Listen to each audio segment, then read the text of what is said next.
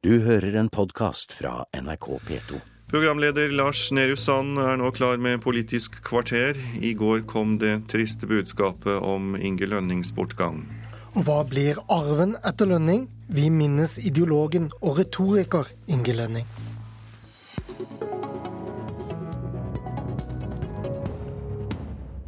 Mitt inntrykk er vel kanskje at det har blitt eh, enda mer traustere og enda gråere. Og eh, det henger vel litt sammen med at byråkratiet har på en måte eh, overtatt språket også. Sånn at veldig mange politikere snakker som om de var en byråsjef i et eller annet departement. Det dristigste rådet hadde jo vært å be dem om å gå tilbake til de klassiske stilidealene og lære seg latin sa Inge Lønning om norsk politikk eh, her i Politisk kvarter forrige mandag. Han var teologen og professoren som ble høyrepolitiker med sans for det prinsipielle og ideologiske. En eh, ideologisk opptatt politiker som skal bære arven videre, er deg, Torbjørn Røe Isaksen. Velkommen. Takk for det. Hva er arven etter Inge Lønning? Jeg fikk eh, I går, da jeg fikk høre dødsbudskapet, så fikk jeg en vemodig følelse av at med Inge Lønning så var det på en måte som den siste av sin type gikk ut av Stortinget. Eh, så arven etter Inge Lønning er eh, etter han som menneske, så er det, det, er, det er polemikeren, det er retorikeren, det er kunnskaps, kunnskapsrike politikeren, men det er også det er også på en måte professorpolitikeren. Altså en person som sto med ett ben solid plantet i akademia. Teolog, vår fremste Luther-kjenner, men samtidig da med det andre beinet i politikken. Og den typen politikere fins det vel eh, Ja, det fins vel kanskje noen av dem eh, igjen fortsatt, men ingen på Stortinget. Men hva kan du og andre i din generasjon, eh, hvordan kan dere best bære arven videre? Nei, det, det, er jo ingen av altså, Det, det, det fins ingen ny Inge Lønning. Eh, så, så, på den måten er det ikke mulig. Men eh, det jeg tror er mulig, det er jo å fortsette å diskutere ideer og prinsipper også selv om man er aktiv i den dagsaktuelle politikken. Eh, og det var jo Inge Lønning en mester til. Altså, han hevet blikket, han så de lange historiske linjene. Og det er en mangelvare i norsk politikk. Og det er noe som man er nødt til å ta seg selv i kraven og minne seg om at man er nødt til å gjøre. For det er ikke noe som nødvendigvis kommer naturlig i den ståkete dag-til-dag-politikken. Nei, for Veldig mange trekker jo frem det at han var så fri, til tross for partibok og partiprogram. Hvordan skapte og utnyttet han selv denne rollen? Ja, han var jo, nei, En ting var jo at som alle kommenterer, så, så frydet jo Inge Lønning seg over de gode formuleringene. Eh, men han hadde jo også som politiker kontroversielle utsagn og utspill. F.eks. så beskyldte han i sin tid Carl I. Hagen for å klatre opp i trærne og kaste bananer til velgerne. Ikke et umiddelbart eh, folkelig utsagn, for å si det på den måten. Eh, han, han, hadde jo også pådro seg stor vrede da han eh, i valgkampen i 2001 sa at lærerskolen i Norge ikke måtte bli et oppsamlingsheat, og tok til orde for at man skulle ha karakterkrav for å komme inn på lærerskolen. Det ble det masse bråk og bruduljer av, også internt i Høyre. Men det er verdt å legge merke til da, at nå, eh, ja, knappe ti år etter, litt over ti år etter, så er dette i dag politikk som ingen partier, heller ikke de rød-grønne, foreslår å fjerne. Hva taper vi på at eh, professorpolitikeren ikke er vanlig lenger, som du har vært inne på? Nei, jeg, jeg, jeg, tror skulle, jeg, tror vi må formulere det som, som, en slags bekymring over mangfoldet i politikken. For det, det er bra på mange måter at politikken blir mer tilgjengelig. Eh, og det er viktig også å understreke at Inge Lønning, selv om han var akademiker. Eh, han var ja, latinkyndig, som vi hørte i klippet her. Så var han jo ikke en elitist på den måten at han var fjernt fra folk. Jeg har eh, reist rundt med Inge Lønning og hørt han holde foredrag for veldig mange forskjellige typer forsamlinger, og han klarte å komme i kontakt med dem alle på en veldig god måte. Men, men, politikkens bredde burde jo da gjenspeile både at man har rom til store intellektuelle som Inge Lønning, og til folkelige typer, eller folk som kanskje ikke er så opptatt av akademisk kunnskap, men har praktisk livserfaring. Og det vi ser, det er jo kanskje at politikkens bredde snevres litt inn. Og da er det jo kanskje eh, På den ene siden så blir yrkesbakgrunnen til de som sitter der, snevrere. Eh, og på den annen side så, så ser vi også at skal, kravet om kravet om at alle skal snakke, oppføre seg, si det samme, også blir sterkere. Så jeg tror vaksinen, hvis du, hvis, du, hvis du, lurer på hva vaksinen er, så, så, er vel det å klare å opprettholde intellektuelle og spennende miljøer også utenfor politikken. Eh, som f.eks. For man forsøker å gjøre med tenketanker som Civita, tidsskriftet Minerva. På venstresiden har man tenketanker som Respublica, eh, Progressiv den type ting. Eh, og hvis de klarer å bli en slags flora rundt politikken som gjør at man får det nødvendige mangfold og muligheten til å lufte ut, så tror jeg det kan være bra. Men han var ikke så eksempler på personen som hadde en tung faglig akademisk karriere før han kom på Stortinget først i, i 97. Eh, hva forteller det at dagens akademikere ikke vil, eller at partiene ikke evner å bygge den broen? Det er et, det er et trist faktum. Uh, Inge Lønning blir jo for mange i dag så han, blir han jo husket som politiker. Men det var jo ikke primært politiker han var. Han ble jo politiker Nei, i godt voksen alder. Selv om han hadde sittet i bystyret i Oslo bl.a. Og det er det er jo et faktum i dag at det er eh, Nominasjonsprosessene er nok laget sånn at eh, det er få som kan komme inn fra sidelinja og få en plass på Stortinget. Jeg lot meg fortelle at, um, at Inge Lønnings bror, Per Lønning, som satt på Stortinget også en periode for Oslo Høyre, han ble nærmest ringt opp av nominasjonskomiteen i, i Hovedstadspartiet og spurt om han ville ha en plass på Stortinget. Det tror jeg ikke skjer så veldig mange steder lenger. Så det er, nominasjonsprosessene er nok på en måte rettet inn mot å, å dyrke fram en type folk som har vært i partiene lenge. Og Det gjør at bl.a. akademikere kanskje får mer berøringsangst, eller, eller i og for seg folk som har vært lenge i yrkeslivet eller næringslivet, får problemer med å komme seg inn i politikken i voksen alder. Til slutt, Torbjørn Røe Isaksen, kan du din latin, eller må du skuffe lønning der?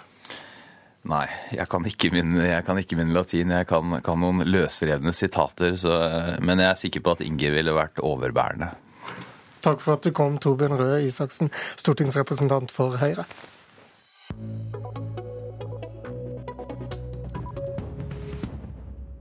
Vinden har snudd på venstresiden for to av de tre rød-grønne ungdomspartiene. Moderpartiet skal utfordres fra Høyre, ikke med venstrebriller, rop om mer statlig ansvar og finansiering nødvendigvis.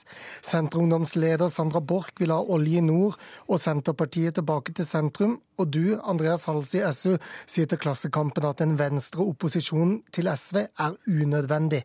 Hvorfor det? Ja, altså Det jeg har sagt til Klassekampen og mange andre steder, er at vår hovedoppgave ikke er å være noe venstreopposisjon.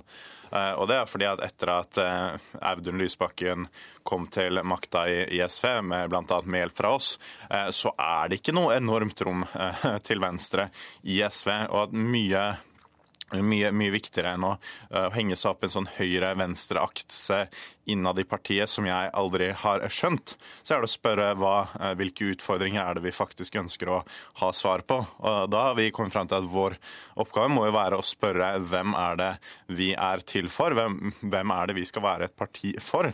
Og da har vi kommet fram til at vi er et parti for de som gjør de tyngste og viktigste jobbene i samfunnet. I helsevesenet, i industrien, i transport osv. Uh, eh, unge lærlinger som går ut i jobb etter videregående. For studenter som opptatt for å ikke få økonomien til å gå rundt i et boligmarked som har gått av hengslene. Men hvorfor tror du ikke på løsningene og standpunktene til ytre venstre i SV? Ja, altså, jeg er mindre opptatt av høyre-venstre og mer opptatt av å finne fram til noen fornuftige løsninger.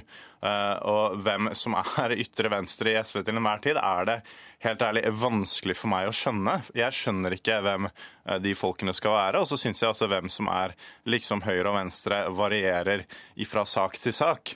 Uh, så det viktige for oss er ikke å henge oss opp i hva som er høyre og venstre, men å bidra til gode, konstruktive løsninger for SV og være med å breie ut partiet og nærme oss folk flest.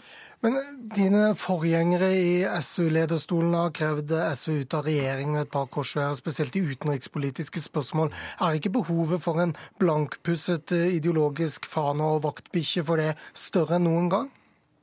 Altså, jeg mener ikke at SV eller noe annet parti er noe mål i seg selv. Jeg driver med politikk eh, for å gjøre eh, livene bedre til, eh, til, de menneskene vi mener at vi representerer som parti i Norge. Den beste måten å få gjennomslag for et mer anstendig arbeidsliv på, en mer offensiv lærlingpolitikk og en bolig for alle, det er gjennom å bidra i regjering og, og trekke, trekke, den i riktig retning. Sandra Borch, leder i Senterungdommen, er med oss på telefon. Dette er vel god musikk i dine ører? Ja, altså jeg har jo Fra jeg ble valgt eh, til leder av Senterungdommen for litt over et år siden, så ble jo jeg valgt på grunnlag av at eh, jeg ønska å ta partiet mer mot sentrum, og også ungdomspartiet. Eh, og Det mener jeg er viktig, for jeg føler kanskje at den velferdsstaten vi har i dag, at veldig mange tar den litt for, for gitt. Er, man må på en måte ansvarliggjøre menneskene der ute i større grad. fordi at Den velferdsstaten vi har i Norge i dag, den kommer ikke av seg sjøl. Eh, derfor er vi, er vi, nødt til å også ansvarliggjøre eh, hver enkelt person i, i veldig mange av de spørsmålene, politiske spørsmålene man har vært vitne til den siste tida iallfall. Men hva slags korrektiv er det du mener ungdomspartiet skal være mot Senterpartiet i ditt tilfelle? Nei, altså Vi skal jo for det første være ei, ei vaktbikkje overfor moderpartiet. Og jeg mener jo at eh, Senterpartiet kanskje i altfor stor grad i noen spørsmål har vært eh, litt fanga i håndveska til Arbeiderpartiet. Eh, og da er det vårt eh, ansvar som eh, ungdomsorganisasjoner å si ifra. Og Senterpartiet er jo tradisjonelt sett et parti som skal være mer i sentrum enn det jeg føler man i enkelte spørsmål i dag er. Ja, SV er vel ikke et sentrumsparti, men, men vil du ha SV nærmere Arbeiderpartiet, eller i hvert fall AUF, eh, Halse? Nei, det, det, vil jeg på ingen måte. Jeg syns at der Audun Lysbakken ligger nå, er en veldig god posisjon for eh, SV. og Derfor ser vi på det som vår oppgave å utfordre Audun ikke først og fremst på å gå til venstre, men først og fremst på å breie ut partiet. Vi har på landsmøtet fått gjennomslag for viktige saker, som å satse på eh, arbeidsliv og boligpolitikk til valgkampen. Den veien har vi tenkt å fortsette å gå og nærme oss folk. Når du spør om liksom det, det ytterste venstre, hvorfor ikke det er veien å gå, så er det jo ikke sånn, tror jeg, at det folk flest sitter og venter på eh, i dag, er mer Marx eh, og mer bok, eh, bokideologi, men flere gode svar på problemer som folk opplever i hverdagen. Men ser du ja, Du har også sagt at SV er for kritiske mot oljenæringen. Hva mener du med det? Altså, jeg mener at deler av venstresida tidvis har tegna et for ensidig svartmalende bilde av oljeindustrien. At det er viktig for oss å få fram at olja har bidratt med verdiskapning og arbeidsplasser i mange tiår i Norge. At de som jobber i oljeindustrien er noen av de aller dyktigste fagfolka vi har. Men så har jeg også sagt at vi er like sterke motstandere som SV av å eh, bore etter olje i Lofoten, Vesterålen og Senja, fordi vi mener mener at investeringstempoet på sokkelen per i dag er for høyt. Det går utover norsk økonomi, det går utover landbasert industri som ikke klarer å konkurrere. Er du enig med Borch i at venstresidens problem kanskje er at for mange er blitt for godt vant til å rope for mye på velferdsstaten? Altså, jeg, eh, jeg, tror det er eh, motsatt. At det er nesten ingen partier i dag som klarer å utfordre på en velferdsstat som er bedre og tar vare på flere enn i dag. At motstanden eh, står nesten mellom Arbeiderpartiet, som sier at alt er perfekt nå, og Høyre og Frp som vil kutte. Eh, og Derfor så mener jeg at vi også trenger et parti som SV, som sier at vi vil faktisk omfordele enda mer. Vi vil gi litt mer skatt til de som spekulerer på boliger, og de som bytte bort formuer på, på, aksjemarkedet. Og så vil vi bygge ut eh, en velferdsstat som kan si at tenna er en del av kroppen. Borch, du er ikke redd for at eh, Senterpartiet, hvis man går til sentrum, da, blir, blir for uh, godtar for mye skattekutt og for lite velferdsstat? Nei, vi har sagt at vi ønsker å holde det på dagens nivå.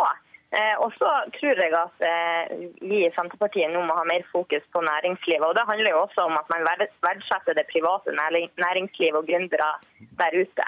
Eh, at man kjemper for at små bedrifter og selvstendige næringsdrivende skal ha like vilkår som statlig i dag. For Det føler vi, særlig i de lokalsamfunnene der ute, at det er kanskje mye av det som er problemet for å ha bosetning rundt om i hele Norge. Det er mangel på, på arbeidsplasser. Tusen takk til dere, Sandra Borch og Andreas Halse. Det var et eh, politisk kvarter. Før vi tar eh, påskeferie, spør kollega Bjørn Myklebust om FrPs oppslutning. Er den 11 eller 20% To institutt forklarer seg i morgen her i Politisk kvarter. Mitt navn er Lars Nehru Sand. Du har hørt en podkast fra NRK P2.